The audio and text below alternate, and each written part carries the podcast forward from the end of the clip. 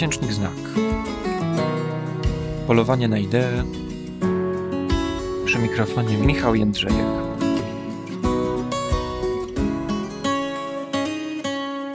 Zapraszamy do słuchania. Dzisiaj odcinek o Susan Zontag, amerykańskiej krytyczce literackiej, pisarce, intelektualistce. Zontag zainteresowałem się właściwie stosunkowo niedawno. Muszę przyznać, że wszystko zaczęło się od jej zdjęć, które zrobiły na mnie duże wrażenie. Pomyślałem sobie, że to jest po prostu niewiarygodne, że można mieć tyle wspaniałych zdjęć. To były jej fotografie z kilku dekad. Zontag na ulicach Nowego Jorku w latach 60., w dżinsach i skórzanej kurtce, z papierosem i książkami w tle, swobodnie rozłożona na łóżku. Zontag w latach 90. w oblężonym Sarajewie. Te zdjęcia składają się od razu w intuicyjny obraz wielkomiejskiej intelektualistki, pięknej kobiety, osoby niezależnej, zaangażowanej w literackie i polityczne wydarzenia epoki. Elliot Weinberger w znakomitym eseju Notes on Susan zauważył, że udało jej się coś niemożliwego. To znaczy stała się krytykiem literackim celebrytą. Dodawał też, że podobnie jak Albertowi Einsteinowi, udało jej się nawet wypracować fryzurę, która stała się jej znakiem rozpoznawczym. Wśród ciemnych, długich włosów miała zachowane duże, siwe pasmo. Zontag jako ikona wysokiej kultury przeniknęła też do popkultury. W drugiej części Gremlinów, czyli filmu, w którym kosmiczne stworki próbują zdobyć władzę nad ludźmi, Gremliny to właściwie takie science fiction dla dzieci, przy czym dużo więcej jest tam fiction niż science. A y, można pamiętać ten film choćby, jeżeli oglądało się dużo Polsatu w latach 90. Więc w tych gremlinach jeden z tych kosmicznych stworków w programie telewizyjnym, wychwalając różne osiągnięcia ludzkiej cywilizacji, jednym tchem wymienia dyplomację, obyczaje, muzykę kameralną i Susan Zontag. Na początku lat 90. miała więc w USA ikoniczny status. Za tymi zdjęciami poszło u mnie najpierw zainteresowanie jej życiem, a dopiero później jej tekstami. Myślę, że to nie jest tylko moja droga do Zontag. Świadczy o tym to, że wychodzą także w Polsce kolejne książki o jej życiu. Niedawno w wydawnictwie Pauza pojawiło się Sempre Susan, wspomnienie autorstwa pisarki Sigrid Nunes, która spotykała się z synem Zontag i przez jakiś czas mieszkała razem z nimi w ich nowojorskim apartamencie.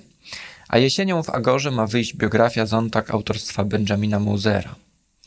Także w majowym miesięczniku Znak zamieściliśmy duży blok tekstów na jej temat – Oprócz esejów Zontag publikujemy jej sylwetkę autorstwa Aleksandry Grzemskiej. Wiele osób było oczarowanych osobowością i stylem życia Zontag. W różnych relacjach pojawiają się zwłaszcza jej dwie cechy. Jej nieposkromiona ciekawość i pragnienie wolności. Grzemska tę ciekawość w tekście w znaku nazywa żarłocznością – Zontag wciąż czytała, ponoć przez pewien czas nawet jedną książkę dziennie, chodziła na wystawy, filmy, spotykała się z ludźmi. Charakteryzował ją nienasycony apetyt na idee, czytanie i pisanie, na ludzi i życie.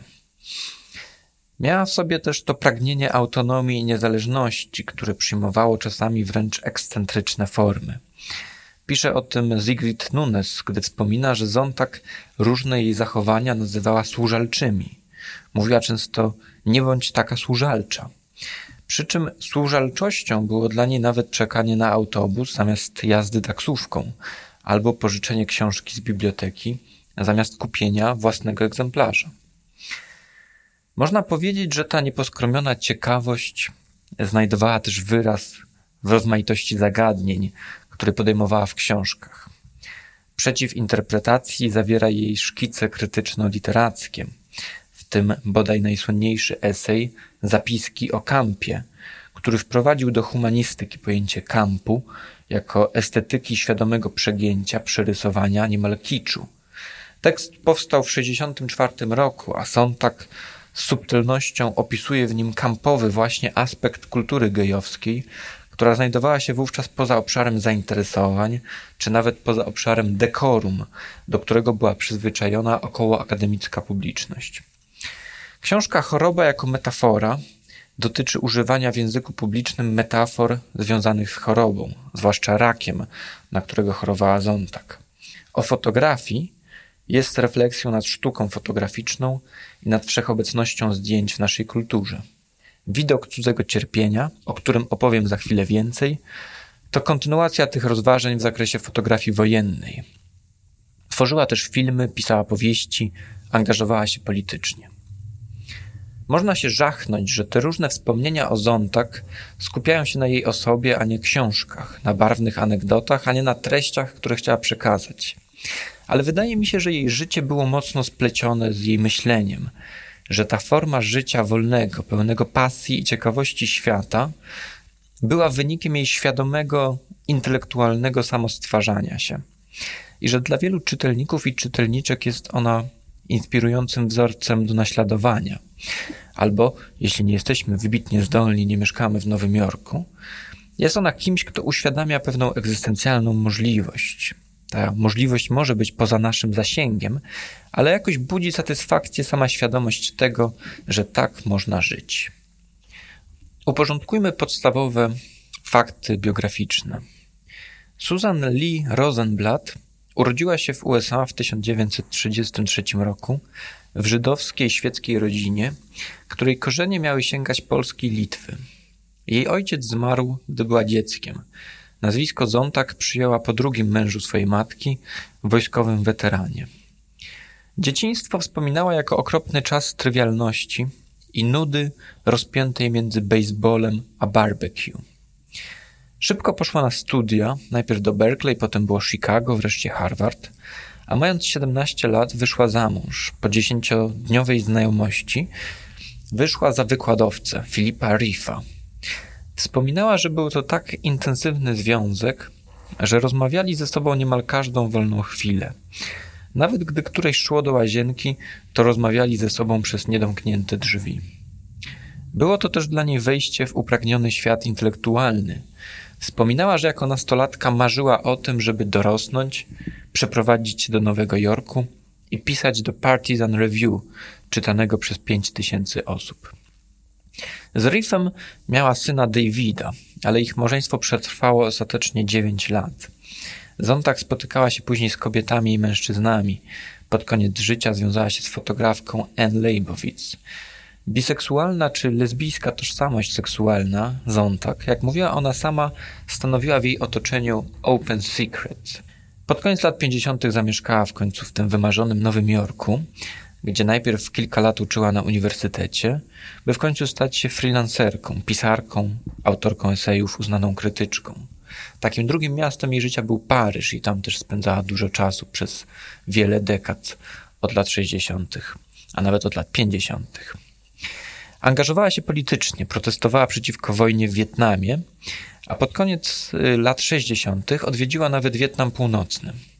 Z czasem stała się bardziej sceptyczna wobec lewicowych ruchów rewolucyjnych na świecie, a także pewnej obojętności lewicowych intelektualistów z Zachodu na zbrodnie komunizmu. W 1982 roku na wiecu poparcia dla Solidarności w Nowym Jorku nazwała nawet europejski komunizm faszyzmem z ludzką twarzą.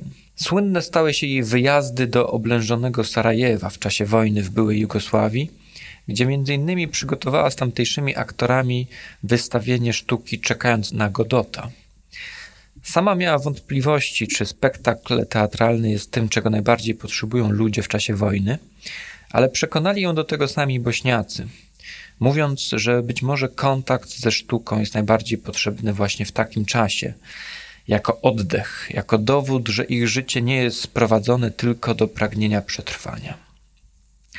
W majowym znaku opublikowaliśmy jej odpowiedź na ankietę dotyczącą roli intelektualistów. Mocno krytykowała tych, którzy zajmują stanowisko w sprawach dalekich konfliktów, wiedząc o nich tylko pewne rzeczy z drugiej ręki. W tej krótkiej wypowiedzi osnutej wokół dziewięciu myśli Zontag zapisywała Dobra zasada, zanim pójdziesz na marsz i zaczniesz skandować hasła. Jeśli nie było cię na miejscu i osobiście nie doświadczyłeś przez dłuższy czas realiów jakiegoś kraju, wojny czy niesprawiedliwości, nie masz prawa się wypowiadać, nawet jeśli dana sprawa budzi Twoją sympatię. Jeśli nie masz wiedzy i doświadczeń z pierwszej ręki, milcz. Widać tutaj krytykowany niekiedy autorytatywny ton Zontak, bo w końcu ta reguła wydaje się zbyt kategoryczna. Czy nie będąc na przykład nigdy na Krymie lub w Donbasie, nie możemy potępić rosyjskiej agresji i złamania przez to państwo przepisów prawa międzynarodowego? Czy nie wystarczą głosy wielu wiarygodnych świadków, abyśmy mogli wyrazić oburzenie istnieniem obozów koncentracyjnych w Korei Północnej?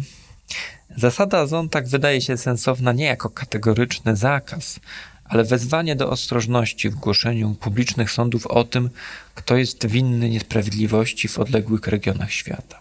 Susan Sontag zmarła w 2004 roku na białaczkę. Wcześniej, jak wspominałem, chorowała też na raka, co było bodźcem do napisania choroby jako metafory. Została pochowana w Paryżu na cmentarzu Montparnasse, razem z tymi, o których pisała i których podziwiała. Sartrem, Cioranem, Rolandem Barthem czy Beckettem. Elliot Weinberger zauważa, że Sontag zdawała się pisać podług znanego diktum Waltera Benjamina, głoszącego, iż każde zdanie powinno zawierać jakąś myśl. I rzeczywiście Zontak pisze w klarowny, a jednocześnie aforystyczny i gęsty, skondensowany sposób. Chciałbym opowiedzieć tutaj więcej o książce Widok cudzego cierpienia, którą wydała rok przed śmiercią w 2003 roku. To praca dotycząca obrazów wojny, zwłaszcza fotografii wojennych. Zontak zwraca uwagę na to, że współcześnie ludzie, którzy nie mają bezpośredniego doświadczenia wojny, stykają się na dość dużą skalę z fotografiami i telewizyjnymi materiałami ukazującymi ludzkie cierpienie. Przygląda się temu zjawisku od strony historycznej, zastanawiając się, kiedy te obrazy wojny stały się powszechne, i stawia pytanie o to, co ten widok cudzego cierpienia z nami robi, czy coś w nas zmienia, czy prowokuje nas do jakiegoś działania, czy też stajemy się wobec tych przedstawień coraz bardziej obojętni. W pewnym sensie ta książka łączy więc ten estetyczny czy krytyczno-kulturowy biegun jej zainteresowań, refleksję nad medium, jakim jest fotografia, z biegunem politycznym, z tym, jak reagujemy na zło i niesprawiedliwość. Z tego wielowątkowego tekstu chciałbym wyłonić cztery główne punkty. Po pierwsze, jak zauważa Zontak, apetyt na obrazy przedstawiające ciała umęczone jest prawie tak silny, jak na wizerunki ciał nagich.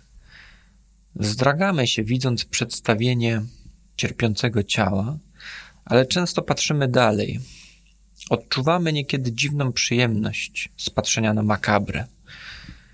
Istnieje długa tradycja przedstawiania cierpienia, którą Zontak dzieli na kilka etapów.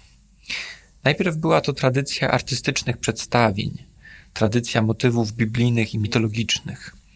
Grupa Laokona, Męka Chrystusa, Święci Męczennicy, obrazy piekła.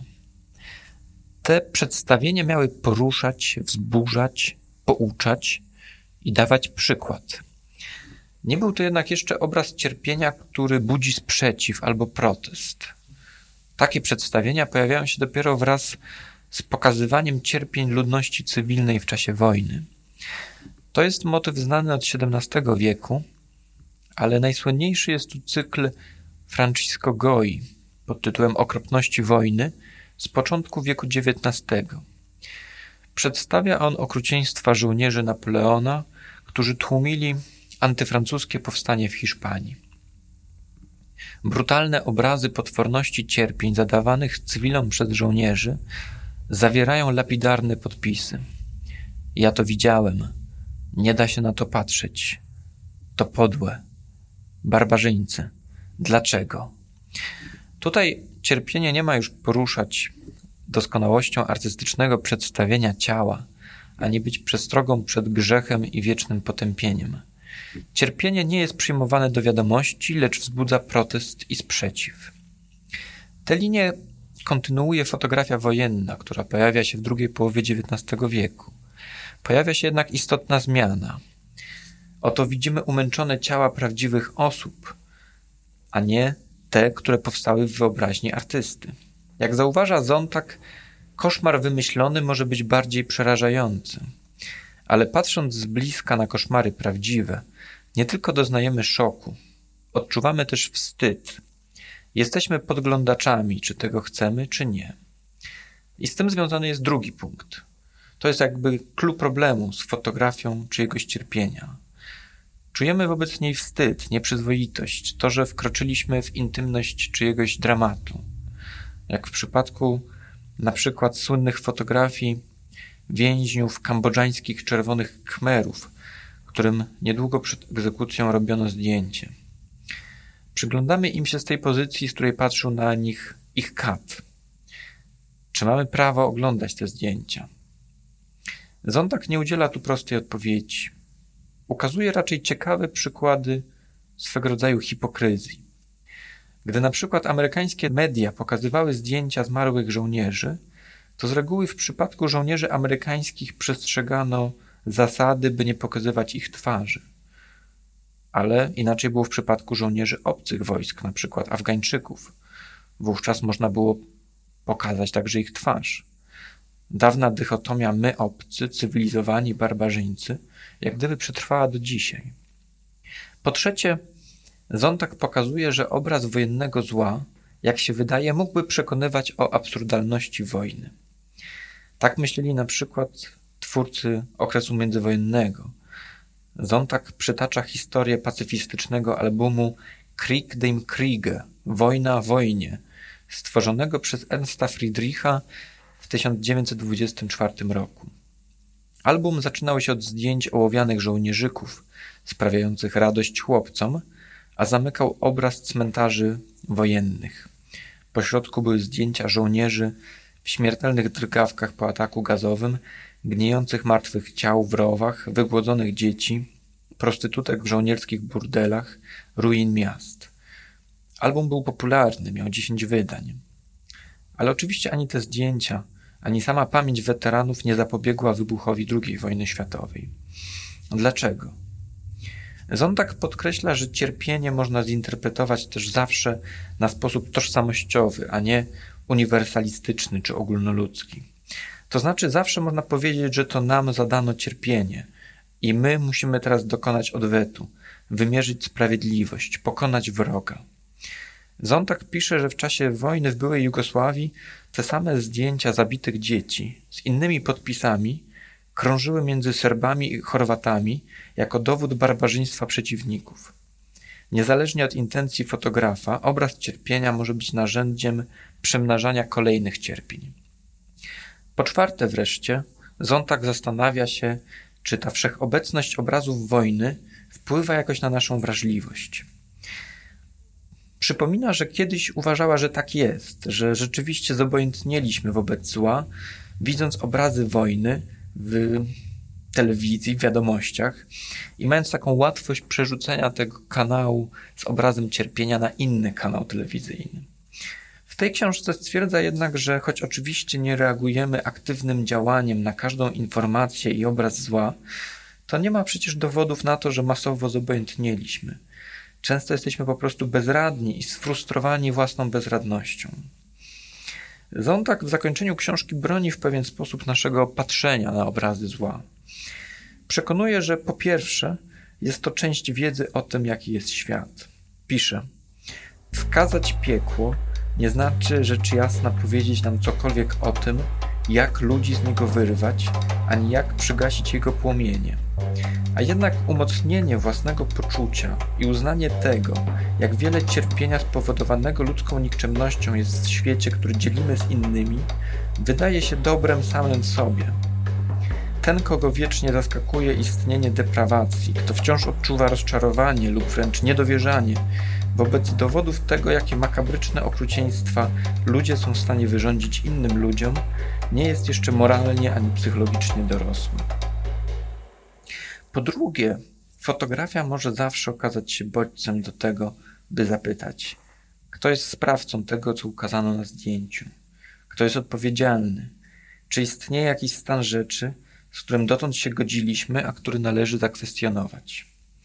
Co ważne i co podkreśla mocno Zontak, to moralne oburzenie czy współczucie, które się wtedy rodzi, może być tylko bodźcem do tego, żeby dowiedzieć się więcej, a nie może dyktować konkretnych działań.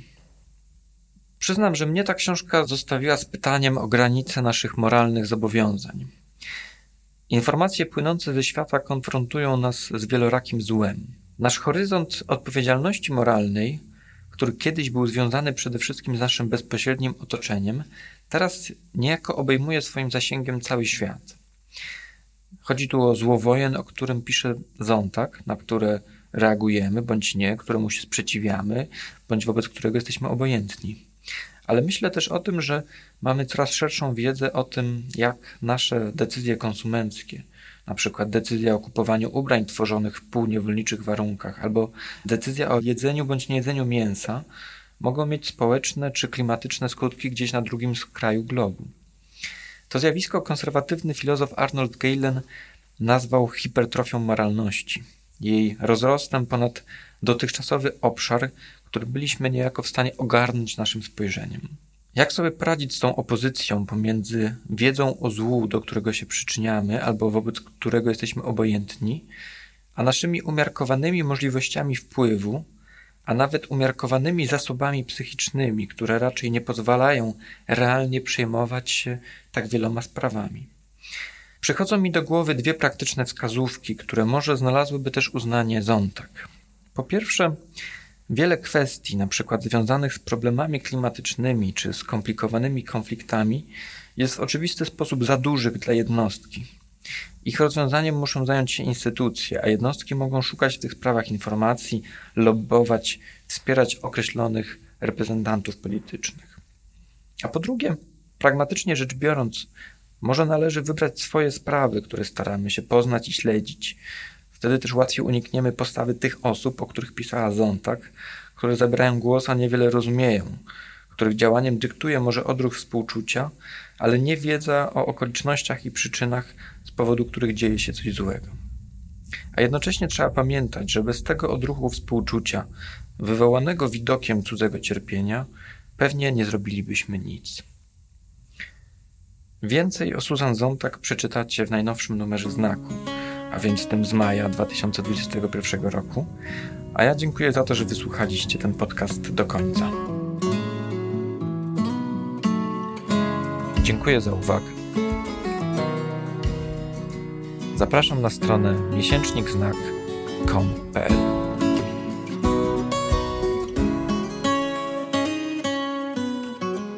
Do usłyszenia.